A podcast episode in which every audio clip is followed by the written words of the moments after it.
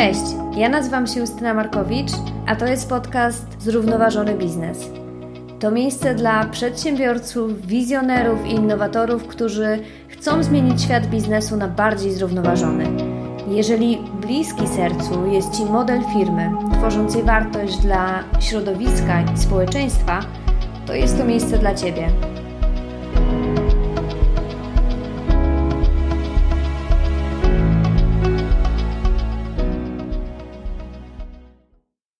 Cześć! Mohamed Yunus to chyba najbardziej popularny przedsiębiorca społeczny na świecie.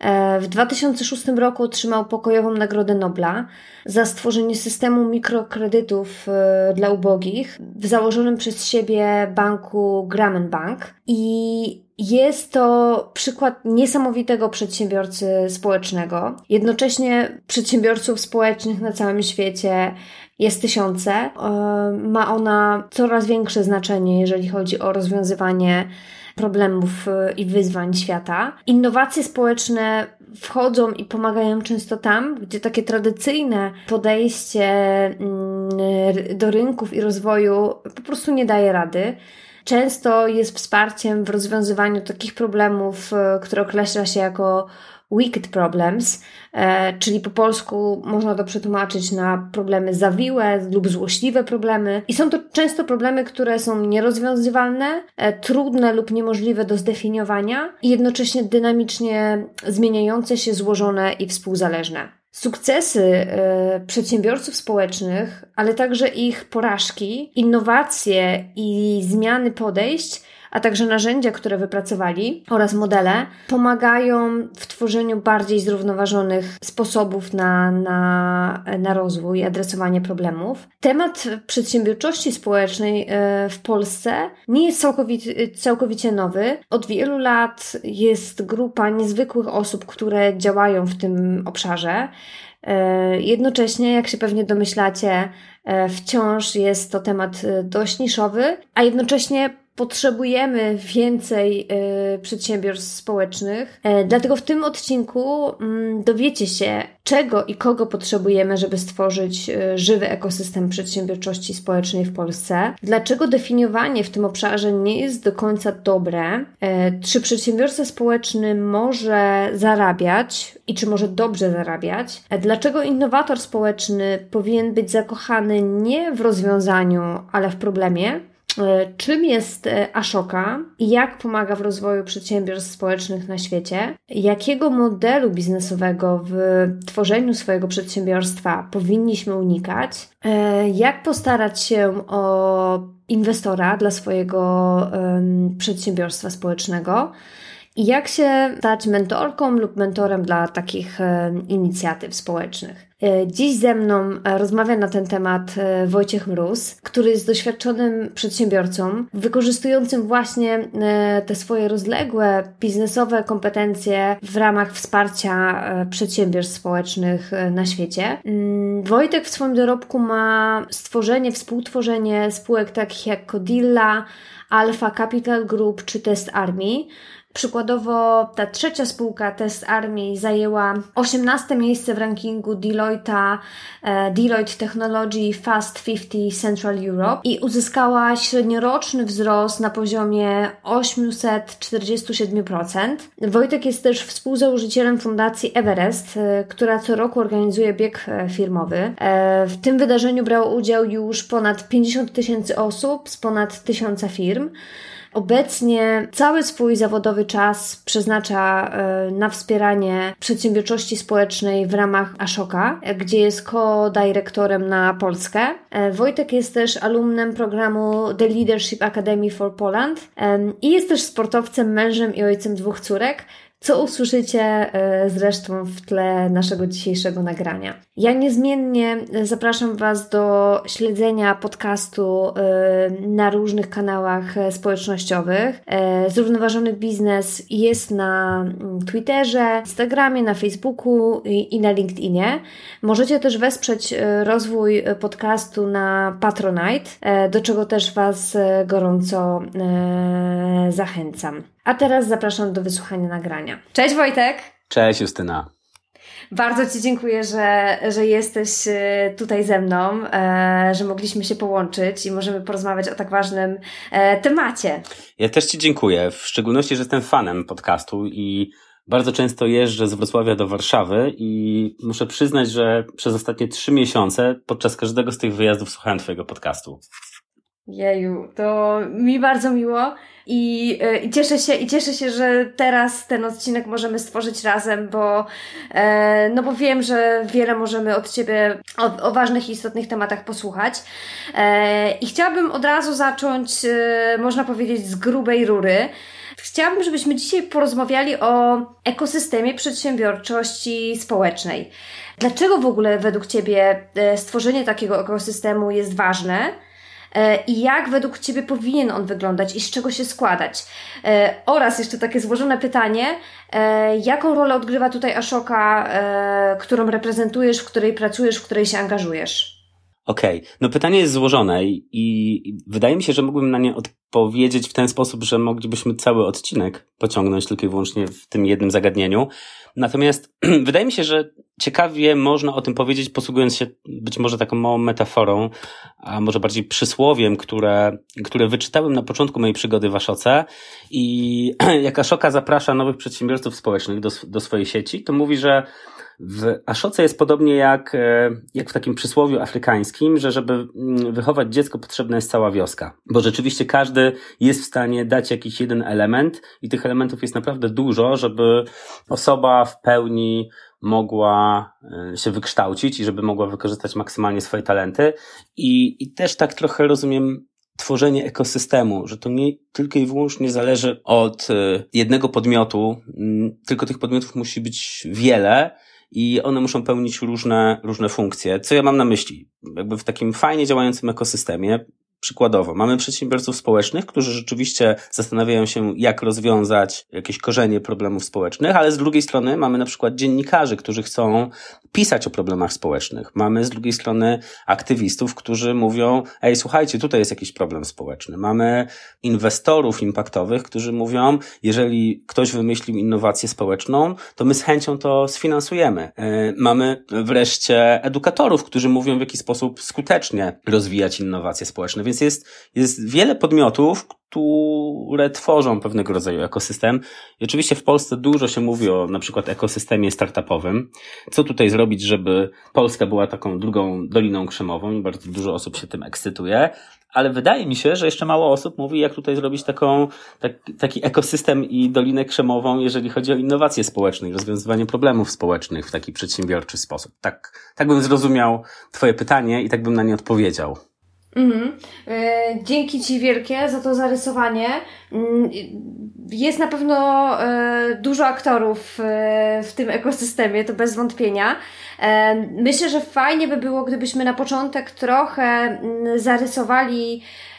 Wiem, że boisz się tego słowa definicję, bo ta definicja jest wtórna tak naprawdę do, do celu, ale gdybyś mógł krótko powiedzieć, czym jest ten przedsiębiorca społeczny, czym jest to przedsiębiorstwo społeczne jak byś go może zestawił z, ze zrównoważonym biznesem, którego, o którym my tutaj rozmawiamy tak, tak bardzo szeroko. Słusznie powiedziałaś, że ja nie lubię się przywiązywać do definicji, bo definicje stwarzają pewnego rodzaju granice.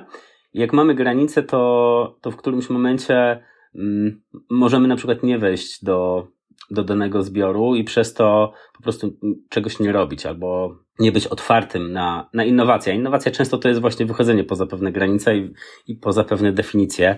Stąd jak rozmawialiśmy przed tym odcinkiem, to, to starałem się od tych definicji uciekać. Natomiast na pewno taką, t- taką bardzo ważną rzeczą, o której też wielu Twoich gości mówiło, ja też o tym wspominam e, praktycznie w każdej rozmowie, to jest e, w przypadku przedsiębiorcy społecznego albo biznesu, który chce rozwiązywać problemy społeczne, no nie najważniejszy jest zysk, tylko dużo ważniejszy jest wpływ, impact, który jest realizowany w wyniku działalności czy przedsiębiorcy społecznego, czy przedsiębiorstwa społecznego. I pewnie lepiej odpowiesz, czym to się różni od zrównowa- zrównoważonego biznesu. No, no w tym kontekście, że w tym zrównoważonym biznesie te, też nie tylko i wyłącznie zysk i, i wzrost wartości dla akcjonariuszy się liczy. Mhm. E, tak, to zdecydowanie. I czasami różne biznesy w różny sposób e, te priorytety mają ustawione. E, a tutaj, tak jak e, powiedziałeś, impact, ten wpływ e, pozytywny e, jest najważniejszy. No właśnie, ja myśląc o tym wszystkim, zastanawiam się, czy rzeczywiście każde przedsiębiorstwo społeczne mm, musi wprowadzić pewną innowację społeczną? Z mojej perspektywy niekoniecznie. I tutaj też powiem w porównaniu do biznesu. Też mogą być biznesy, które de facto nie opierają się na jakichś innowacjach. Nie każdy biznes e, to jest e, wymyślenie czegoś całkowicie nowego. Czasem to jest powielenie czegoś. I w, w przedsiębiorczości społecznej też nie wszystko musi być innowacją społeczną. Czasem może być powieleniem jakiegoś modelu. I, i to jest ciekawa różnica też między biznesem a przedsiębiorczością społeczną, bo w biznesie, tak jak ja byłem kiedyś przedsiębiorcą, to, to mnie uczono i, i sam o tym opowiadałem, że najważniejsze jest, żeby wymyśleć jakąś innowację na przykład i później, żeby nikt się o niej nie dowiedział, bo dzięki temu ja sobie buduję przewagę konkurencyjną. Czyli ja coś wymyślam i najchętniej bym to opatentował. A w przedsiębiorczości społecznej i w innowacjach społecznych e, rzeczą, która powoduje, że osiągnę sukces, to jest na ile ten mój pomysł będzie replikowalny. Czyli jest dokładnie odwrotny paradygmat. Mhm. Ja chcę i zależy mi na tym, żeby inni mnie naśladowali. Więc znowu, nie chodzi o to, żeby każdy wymyślał coś, coś nowego, ale żeby rzeczywiście to rozwiązanie, które ktoś wymyślił, stało się powszechne. A czy to ja wymyślę, czy ktoś inny, to, to już nie jest najważniejsze. Yy, bardzo mi się to podoba, tak naprawdę, bo rzeczywiście ja ostatnio e, też mam takie przemyślenie, że mm, słuchając tych różnych przykładów, e, którymi dzielą się goście podcastu, e, które często są z drugiej części globu, no tak naprawdę inspirując się tymi rozwiązaniami, chociażby tymi, które ostatnio wymieniała e, Nina Józefina Bąk e, w odcinku o, o spółdzielniach i kooperatywach, no tak naprawdę robiąc taki porządny research rozwiązań społecznych, które są na świecie, E, no można tak naprawdę replikować ten pomysł i, w, i wdrożyć go tutaj w Polsce. E, I do tego ja tak osobiście e, wszystkich zachęcam, siebie samą zresztą też, bo, bo naprawdę czasami nie trzeba tego koła wynajdywać na nowo i ono jest, ono jest po prostu, ono gdzieś może być w świecie już czekać na nas. I tak naprawdę wszyscy badacze trendów mówią też, że już większość rzeczy ktoś gdzieś wymyślił, tylko kwestia tego, żeby do tego E, gdzieś e, dotrzeć. No, dokładnie tak I, i to jest ważne, tak samo i to jest może troszeczkę inne niż w biznesie, że tutaj mm, w szczególności jeżeli chodzi o Ashokę, to, to my szukamy osób, które są niezakochane w swoim rozwiązaniu i chcą właśnie wymyślić jakieś nowe, innowacyjne rozwiązanie, ale bardziej są zakochani w problemie. Czyli chcą rozwiązać dany problem społeczny przykładowo i to, czy oni rozwiążą ten problem, bo coś wymyślą, albo uda im się sprowadzić jakieś rozwiązanie z zagranicy, albo połączą dwie kropki, albo trzy kropki, albo poznają osoby, które do tej pory się nie znały i właśnie w danym systemie uda się jakiś trybik przekręcić, dzięki któremu ten system się naprawi i rozwiąże się tym samym problem, to to jest, to, to jest najważniejsze. A niekoniecznie najważniejszy zawsze jest innowacyjny pomysł. Mhm. Ja się jeszcze, Wojtek, zastanawiam. To, co powiedziałeś, to, to jest totalnie ważne, że w przedsiębiorstwie społecznym priorytetem nie jest zysk, ale właśnie on niekoniecznie jest nieobecny.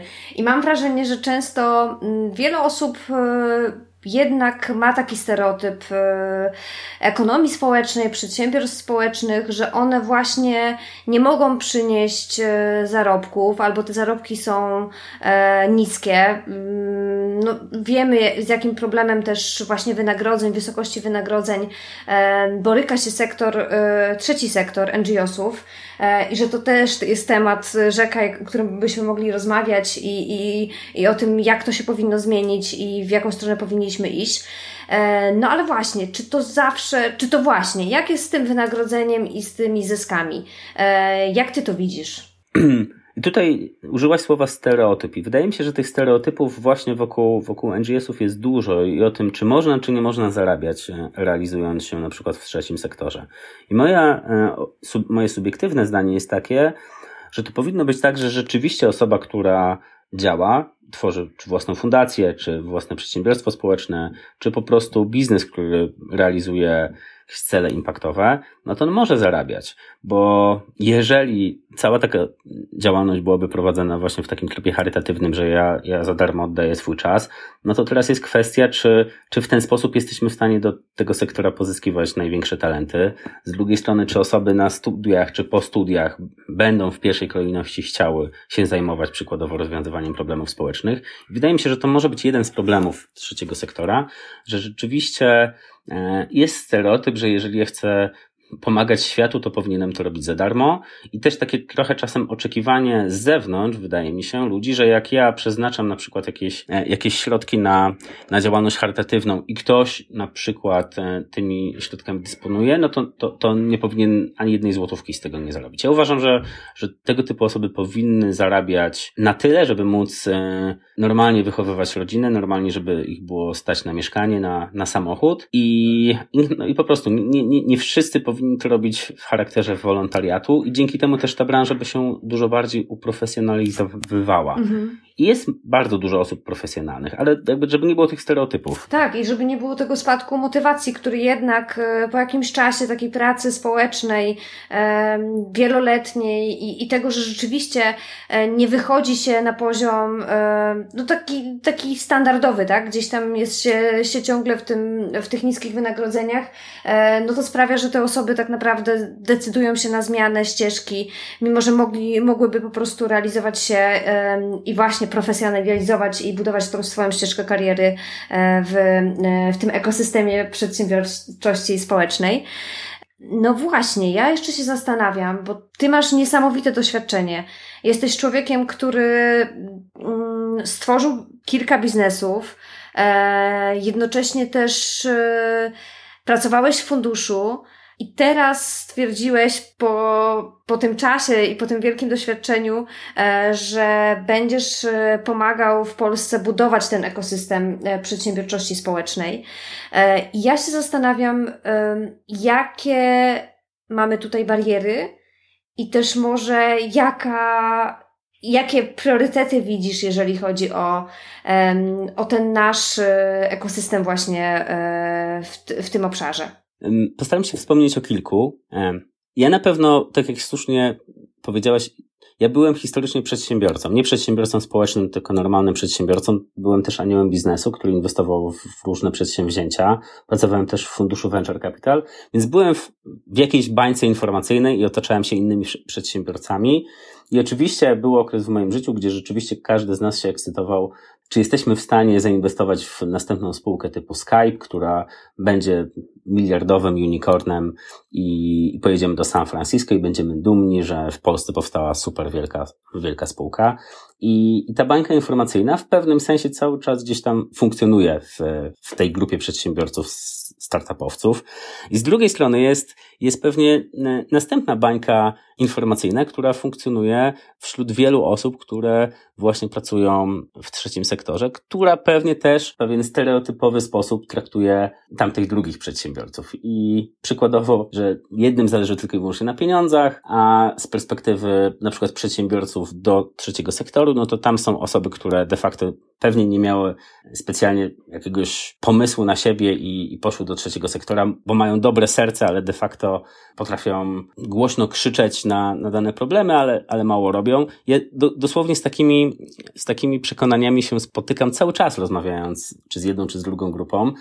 I to jest coś, co mnie oczywiście mocno boli i, i chciałbym połączyć te, te grupy mhm. osób i trochę, żeby ta edukacja i zrozumienie nie szło w, z jednej strony w kierunku drugiej strony, tylko żeby obie strony się na to otworzyły i de facto jedna i druga strona jest w stanie się mocno od siebie nauczyć i dużo się nauczyć. Jak wspominałaś o tym, że, czy mówimy o tym, że jest stereotyp związany z tym, że w trzecim sektorze nie, chyba nie powinno się, czy nie wypada zarabiać na przykład, a to też wynika z tego, że, że sposób finansowy finansowanie na przykład tych przedsięwzięć jest ograniczony, tudzież osoby rozkręcające własne organizacje nie mają wystarczająco dużo wiedzy na przykład o różnych modelach biznesowych, żeby, żeby móc te przedsięwzięcia na tyle rozbudowywać, żeby one też miały odpowiednią płynność finansową i mając płynność finansową, wtedy mogłyby zachęcać największe talenty do tego, żeby wspierały te organizacje i rozwijać się. I to jest wiedza z kolei, która może przyjść mhm. z kierunku biznesu. W drugą stronę z kolei, no często osoby, które są w biznesie, zatracając trochę sens takiego swojego działania, gdzieś e, zaczęły biec, skoczyły do jakiegoś pociągu, ten pociąg bardzo szybko jedzie, cały czas dorzucają, dorzucają węgla do lokomotywy, ale w którymś momencie zastanawiają się, kurczę, po co ja to wszystko robię i, i, trochę zatraciłem sens w tym. I w jaki sposób ten sens odzyskać? Co ja mogę zrobić w ogóle z, z dywidendą, którą sobie wypłacam? E, no bo już kolejny samochód wcale mi nie, nie przyniesie więcej szczęścia. Kolejne wakacje też niekoniecznie mi przyniosą e, dużo szczęścia. No chcę, żebym czuł się sprawczy i robił dobre rzeczy. I teraz jak to robić? E, gdzie re, realnie mogę dobrze wykorzystać swoje talenty? No to, to być może trzeba się w tym momencie zapytać właśnie tych osób, które w tym trzecim sektorze działają. Więc jedna i druga strona może się od siebie uczyć. I taką moją osobistą misją jest, jak otworzyć te dwie strony na tą komunikację między sobą. E, no, to jest, to jest rewelacyjna misja i, i, i ja, ja bardzo dopinguję i rzeczywiście te dwa światy Mm, to też widać we współpracy y, korporacje, NGOsy, że często te style komunikacji są zupełnie inne. E, inne są mocne strony, ale jednocześnie, gdyby rzeczywiście mm, e, te strony się zrozumiały, e, poznały te swoje mocne strony, też słabsze strony, bo to jest naturalne, że każda z tych przestrzeni też ma te słabsze strony, no to one by się mogły fajnie, synergicznie połączyć i, i dużo, dużo, dużo fajnych rzeczy razem wypracować. Tylko trzeba czasem po prostu transparentnie powiedzieć o tych mocnych i, i słabych stronach, czego nam po prostu często chyba brakuje. Dużo mam kolejnych myśli, o które mm, i pytań w głowie, o które chciałabym Cię zapytać. Dotknąłeś e, tematu impact investingu i tutaj e, z jednej strony to, co ja widzę, to to, że w Polsce jeszcze ten temat w ogóle raczkuje. Po drugie też e, widzę duży potencjał właśnie w tej przestrzeni funduszy impact investingu, czy tego inwestowania po prostu pozytywnego, E, właśnie taką przestrzeń do tego, żeby po prostu pracowały ze sobą osoby zarówno o tych takich twardych, mocnych e, fundamentach wiedzy ekonomiczno, e, takiej finansowej i te osoby, które wiedzą, jak mierzyć ten wpływ, co wcale nie jest takie proste. I się zastanawiam, jakie są Twoje refleksje na ten temat, jak ta polska nasza rzeczywistość wygląda i, i jak tutaj w tym temacie trochę mm, dobrych rzeczy zrobić. To, to jest ważna rzecz, o której mówisz, i, i na przykład mogę nawiązać do tego, czego zaczęliśmy, czyli o samym ekosystemie. Ten ekosystem nie będzie dobrze działał, jak nie będzie właśnie e, sposobów na finansowanie fajnych przedsiębiorców społecznych, którzy na przykład tworzą impaktowe spółki, bo jeżeli wymyślą dane, dane rozwiązanie i będą chcieli je, je zeskalować i będą potrzebowali na to środków, a, a nikt nie będzie chciał te, tego sfinansować, no to de facto nie będą zmotywowani do tego. Więc im też będzie więcej inwestorów impaktowych, czy to w postaci funduszy, takich venture capital, których priorytetem jest impact, a niekoniecznie tylko i wyłącznie stopa zwrotu, ale tutaj ważne jest, żeby zaznaczyć, że impact nie wyklucza też stopy zwrotu, że, że ktoś, kto inwestuje w impact też nie jest w stanie na tym, na tym zarobić. Weźmy przykład, nie będę nazywał przedsięwzięcia po, po imieniu, natomiast wyobraźmy sobie, że teraz ktoś wymyślił właśnie odpowiednie roślinne zamienniki mięsa i wprowadził swój produkt do wszystkich, nazwijmy to, barów fast foodowych na świecie, to raz, że zrobił duży impact, a z drugiej strony, no wyobraźcie sobie, ile mógł zarobić na takim przedsięwzięciu. I oczywiście część z tych zysków zreinwestował w następny impact. Natomiast na pewno na takim przedsięwzięciu, jeżeli ja bym w nie zainwestował, też mógłbym solidnie zarobić i jednocześnie, jakbyśmy zobaczyli na statystyki europejskie czy nawet światowe, ile stopy zwrotu przynoszą inwestycje impaktowe, to, to przynajmniej jest na równi, jak nie w niektórych e, okresach lepiej można za zarobić inwestując w impact, no bo też konsumenci poszukują tego typu rozwiązań i w mojej ocenie jakby moda na tego typu inwestowanie i wynikająca ta moda z potrzeby, ona będzie wzrastała w Polsce. Mhm. Wspomniałeś też e, temat modelu biznesowego. E, to też już dotknęliśmy, bo mm, powiedziałeś, że tak naprawdę wehikuł e, jest wtórny do, do tego, co chcemy robić, ale tak naprawdę jakie Twoim zdaniem rozwiązania, czy takie formy prawne są dobre, jeżeli chodzi o przedsiębiorstwo społeczne? Jak e, też przygotować, można powiedzieć, swoje, swoje, swoje przedsiębiorstwa społeczne do tego, żeby być, można powiedzieć, takim welcoming dla e, impact inwestorów. Ja bym odpowiedział na Twoje pytanie, mm, podając kilka przykładów, bo wydaje mi się, że będzie tak łatwiej i, i, i mówiąc o pewnym kontrprzykładzie. I zacznę od kontrprzykładu. Super. Jak wydaje mi się, że nie warto jest robić i, i co jest na przykład takim mankamentem trzeciego sektora, w szczególności w Polsce, i w mojej ocenie takim mankamentem jest to, że bardzo dużo organizacji finansuje się z grantów. To, że ilość grantów jest ograniczona, to jest jedna rzecz i tym samym na przykład organizacje, które chcą rozwiązywać podobne problemy społeczne, zamiast współpracować ze sobą, to zaczynają konkurować, bo konkurują de facto o jeden grant i to powoduje, że właśnie organizacje nie współpracują, nie tworzą ekosystemu, nie zastanawiają się wspólnie, jak rozwiązać dany problem i to jest, to jest minus. I dlatego jest potrzebne na przykład wymyślanie fajnych, innowacyjnych modeli biznesowych, żeby te organizacje były w stanie się finansować bez grantów. I i to jest istotne. I podam kilka przykładów takich, jeden polski na przykład, a jeden zagraniczny, wśród Ashoka Fellows jak oni funkcjonują. Może tutaj zrobię krótkie wprowadzenie e, w, w Ashokę. Być może nie każdy z naszych słuchaczy wie, czym zajmuje się Ashoka, organizacja, którą, którą jestem kodyrektorem w Polsce. To jest największa na świecie sieć e, innowatorów społecznych. I Ashoka zajmuje się tym, że, że takich innowatorów społecznych na całym świecie szuka. Tak jak Fundusz Venture Capital szuka świetnych przedsięwzięć biznesowych, tak my szukamy e, osób, które chcą w fajny sposób i skuteczny sposób e, zmieniać świat. I mamy w tej sieci prawie 4000 takich osób znalezionych w ponad 90 krajach i, i to robimy od, od blisko 40 lat. I mamy w naszej sieci laureatów Nagrody Nobla, mamy naprawdę dużo wspaniałych ludzi i, i tak jak jest 4000 osób, to 4000 historii. Natomiast powiem o dwóch właśnie w kontekście, y, w kontekście modeli biznesowych przykładowo. Jest osoba, która zajmuje się bioróżnorodnością i, i de facto y, odzyskiwaniem lasów tropikalnych i wymyślała bardzo określony sposób na nasadzenie tych tych lasów i wsadzi trzy pokolenia. E, dzięki temu, że w danych odstępach czasu i określone gatunki sadzi, to te najstarsze drzewa jest w stanie realnie wycinać, sprzedawać, ale nie, nie, nie niszczy ekosystemu, bo jest jeszcze druga warstwa i, i, i trzecia warstwa, więc jakby ten las cały czas żyje i funkcjonuje. Zyski, które ma ze sprzedaży tych drzew, jest w stanie reinwestować. I tak naprawdę stworzył, ten przedsiębiorca społeczny stworzył taki koncept finansowania, że oferuje inwestorom, że można zainwestować właśnie w, w powiedzmy w hektar lasu, mhm. oczekując stopy zwrotu na poziomie tam powiedzmy 6%, więc są inwestorzy, którzy po prostu mogą być zainteresowani, zamiast wkładać na lokatę finansową, no to wkładam e, swoje środki w, w model gospodarki leśnej. Tak. E, natomiast ta, ta, ta, ta gospodarka tworzy e, zamknięty ekosystem, który nie, nie eksploatuje tak lasów i biznes jest w stanie się w ten sposób finansować. W taki ciekawy i, i być może niecodzienny sposób.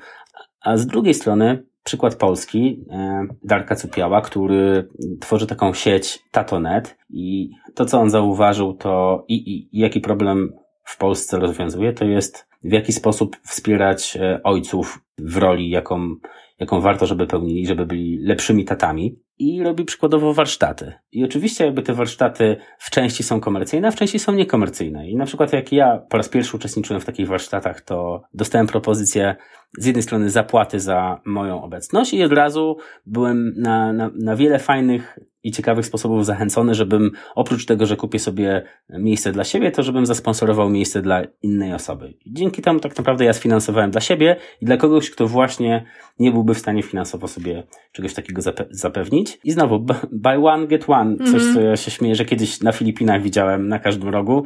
No to, no to tego, tego typu model sprzedaży wartościowych usług też można, można zaimplementować i w ten sposób też mieć dostępną usługę dla tych, na których na przykład nie stać i tym samym też móc rozwijać swoją e, swoją działalność, bo tak jak mówiliśmy na początku, to nie znaczy, że ja prowadzę jakąś działalność, e, która ma rozwiązywać problemy społeczne, to wszystko powinno być za darmo. Dla niektórych, których stać, być może to powinno być e, płatne i to jest okej. Okay. Tak, y, dzięki Ci za te przykłady, bo to oczywiście od razu wzbudzają kreatywność i człowiek myśli o tym, co może wymyślić.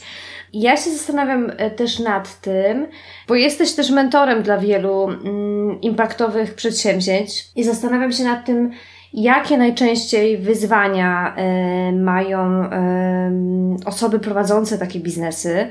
I też może od razu, jeżeli masz rozwiązanie na taki, taki problem, takie wyzwanie, to mógłbyś e, podzielić się też z nami. Wydaje mi się, że ile przedsiębiorców społecznych to jest, jest tyle wyzwań i samą wartością Ashoki jest to, że, że dzięki temu, że tych osób jest już w sieci blisko 4000, to mogą się swoimi doświadczeniami wymieniać mhm. jako przedsiębiorcy społeczni, ale też ważniejsze jest to, że wokół sieci Ashoki też tworzymy sieć normalnych przedsiębiorców, mentorów, konsultantów biznesowych, którzy też są w stanie dzielić się swoją wiedzą i swoimi, i swoimi doświadczeniami. To, co powiedziałem, żeby te, te, te dwie grupy osób były blisko siebie i ze sobą współpracowały i dzieliły się tą wiedzą. Nie chcę mówić o jakichś bardzo konkretnych, pojedynczych e, problemach. Natomiast widzę jeden te, też taki problem, który często jest, w szczególności na początku drogi przedsiębiorcy społecznego, który właśnie nie ma jeszcze dookreślonego modelu, w jaki sposób też może pozyskiwać pieniądze na rozwój swojego przedsięwzięcia.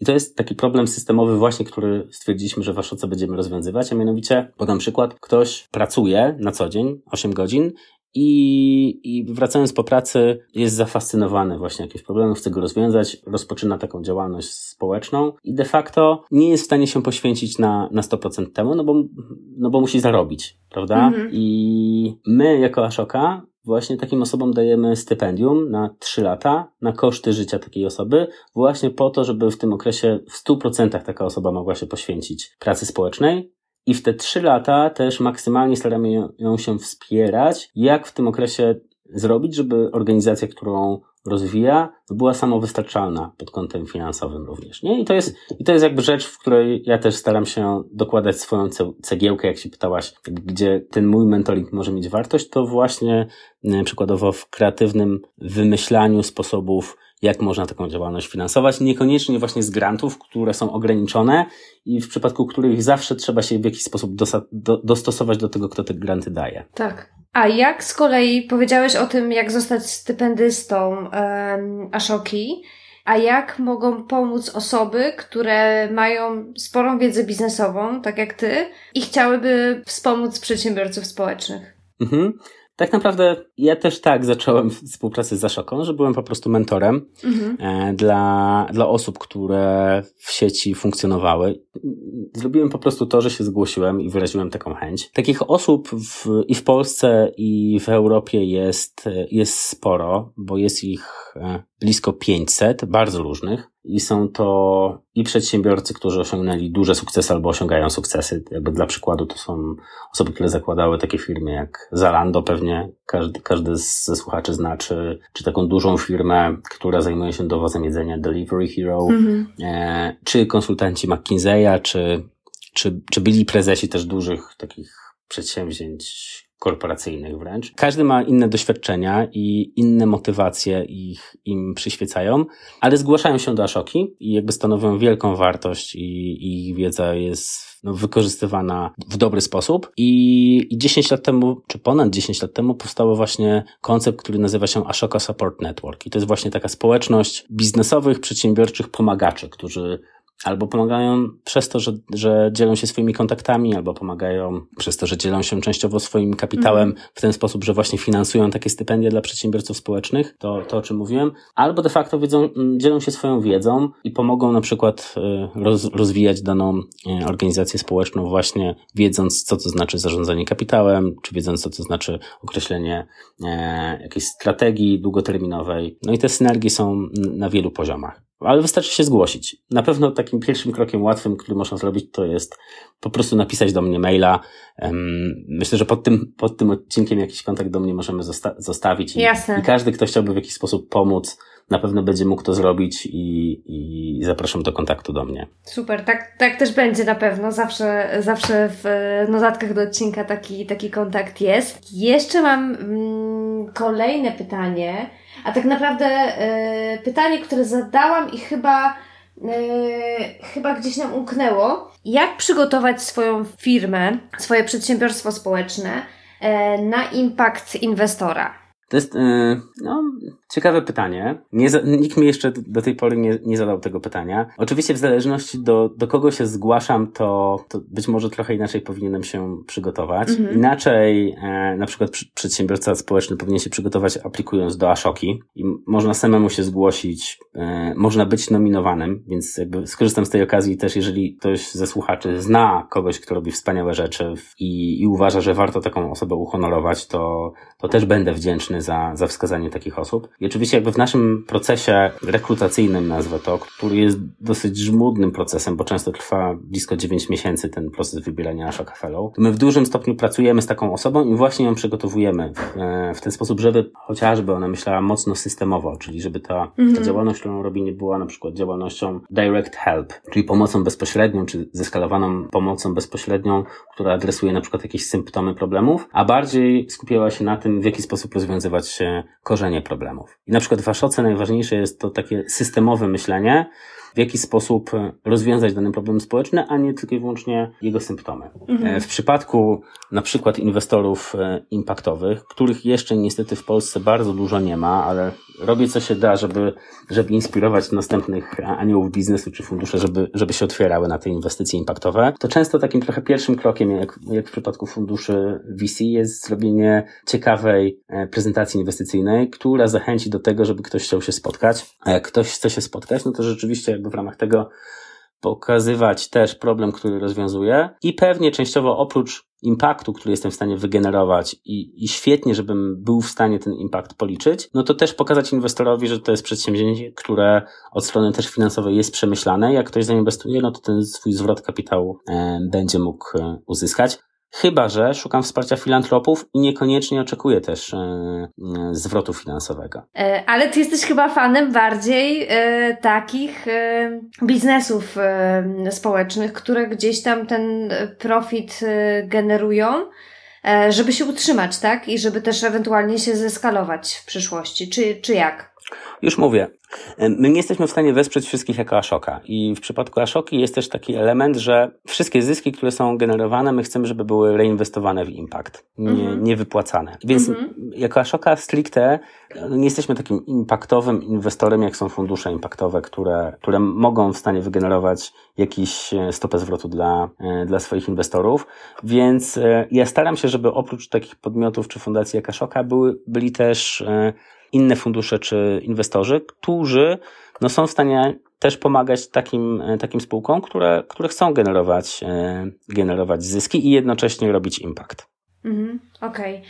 I jakbyś teraz, e, jeżeli jest osoba, która mm, ma pomysł na przedsiębiorstwo społeczne, to jakie, jaką masz radę dla tej osoby? Oprócz tego, żeby się zgłosiła do Ashoki. I kiedy może się do, zgłosić do Ashoki, mając już e, pomysł, jak wygląda ten proces? W przypadku Ashoki jest tak, że my nie inwestujemy w same pomysły, tylko raczej w takie osoby, które już mają taki proof of concept za sobą mhm. i już generują impact, który mogą pokazać i to nasze wsparcie często to jest wsparcie też tych osób, żeby ten impact był większy i, i często, żeby pomóc tym osobom rozwinąć swoje przedsięwzięcia też poza Polskę i skorzystać właśnie z, z tej międzynarodowej sieci, którą mamy, ale coś, co znowu jest super potrzebne w ekosystemie, o którym mówimy od samym początku, to tak jak w ekosystemie startupowym jest dużo akceleratorów czy konkursów, które, które właśnie mają wyłaniać dobre pomysły i tym, tym dobrym pomysłom pomagać na, na starcie, no to tak samo w Polsce potrzebnych jest więcej takich akceleratorów impaktowych. E, na pewno jeden, w którym, w którym miałem przyjemność e, być mentorem, to jest taki akcelerator realizowany przez e, Sektor 3.0 mhm. i tam właśnie można zgłosić się z pomysłem i w ramach tego pomysłu dostanie się naprawdę solidny, fajny warsztat wiedzy i narzędzi, w jaki sposób wystartować, w jaki sposób e, zeskalować tą działalność, a w następnej kolejności, no być może poprosić o finansowanie czy takiego podmiotu jak Ashoka, czy czy, czy takich impaktowych aniołów biznesu, czy funduszy, nie, niekoniecznie polskich, bo też e, staramy się wielu takich inwestorów z zagranicy sprowadzać, żeby się też interesowali e, naszymi podmiotami, które tutaj są robione przez, przez polskich przedsiębiorców społecznych. Super, dzięki, dzięki za te rady. Ostatnie moje pytanie zawsze dotyczy tego, gdzie Cię można znaleźć yy, oraz yy, w jakie inicjatywy aktualnie się angażujesz. No, ostatnio to mnie można e, znaleźć w górach, jak jeżdżę na rowerze. Staram się e, możliwie jak najaktywniej spędzać swój wolny czas, a w szczególności w naturze. E, natomiast oczywiście jakby w sieci najłatwiej. Ja, ja, ja staram się być bardzo responsywny i, i pewnie takim elementem, który mnie charakteryzuje, jest to, że na, na każdą wiadomość odpisuję i zawsze odpisywałem. Ile, ile bym ich nie dostawał, więc na pewno po prostu można do mnie napisać i tak najłatwiej można mnie, e, mnie spotkać. Na pewno będę starał się na, na wielu konferencjach, w szczególności tych o przedsiębiorczości występować i tam właśnie zachęcać czy inwestorów, czy, czy po prostu startupowców, żeby, żeby interesowali się tematyką, tematyką impactową. A jeżeli chodzi o, taki, o takie projekty, które teraz w szczególności leżą mi na sercu i które staramy się e, dobrze zaprojektować i, i je wdrożyć, aktualnie są dwa takie przedsięwzięcia, na których mi zależy żeby, e, żeby je wdrożyć w Polsce. Pierwsze to jest, e, to jest wsparcie młodych osób. Jedna z moich koleżanek zrobiła takie badanie wśród nastolatek od 10 do 15 roku życia i okazało się, że tam około 48% z tych dziewczyn chce zostać influencerkami. I, i to jest ich pomysł na, na swoją przyszłość zawodową. Ja mam, ja mam dwie córki i, i być może jedna z nich zostanie influencerką, być może nie, natomiast zależałoby mi, żeby te, te młode osoby, tak samo moje córki, miały bardzo fajne modele i różnorodne modele, w jaki sposób mogą funkcjonować w przyszłości. I chcemy w e, Ashoce zrobić taki projekt, gdzie właśnie będziemy wyszukiwać ciekawych innowatorów, innowatorek właśnie wśród tych, tego młodszego pokolenia. I to jest, to jest projekt, który, który chcemy zrobić i będziemy prawdopodobnie go ogłaszać jeszcze w tym roku. A drugi projekt, który z mojej perspektywy i z mojej pasji jest dla mnie ważny, to jest e, w jaki sposób można wykorzystywać sport też do, do czynienia dobra. Ja oprócz tego, że jestem zaangażowany w Ashokę, 8 lat temu wraz z żoną i z wspólnikiem założyliśmy też swoją fundację, która od e, wielu lat w różnych miastach realizuje takie biegi charytatywne mhm. dla firm, to się nazywa bieg firmowy. I jesteśmy blisko związani ze sportem i tych sposobów, w jaki można wykorzystywać sport do robienia dobra jest, jest bardzo dużo. W Ashoce też mamy blisko 100 Ashoka Fellows, którzy właśnie wykorzystują sport do, do, do zmiany społecznej. No i chcielibyśmy zrobić taki mm, program w Polsce, gdzie rzeczywiście szukamy innowatorów społecznych, którzy wykorzystują sport do tego, żeby, żeby zrobić coś dobrego. Wow, brzmi super. Bardzo Ci dziękuję za za no to niesamowite przeprowadzanie nas przez świat y, przedsiębiorczości społecznej i wprowadzenie nas do, y, do świata Ashoki, który no jest niesamowity i ja jestem pod wrażeniem tego, co się tu dzieje na świecie, jeżeli chodzi o sieć Ashoka. I mam nadzieję do, do zobaczenia kiedyś yy, i do usłyszenia. Ja chciałbym Ci też serdecznie podziękować za to zaproszenie. E, no i zachęcić wszystkich słuchaczy. E, taką misją Ashoki już na sam koniec jest Everyone a Changemaker, czyli jakby każdy może być tym światozmieniaczem, każdy może być sprawczy, więc tak naprawdę każdy, kto nas słucha, jest w stanie zrobić coś, coś dobrego. Jeżeli nie do końca ma jeszcze pomysł, co i jak, to zapraszam do, do kontaktu ze mną. Na pewno taką osobę wspomogę. Super, dzięki wielkie. Trzymaj się mocno. Dziękuję.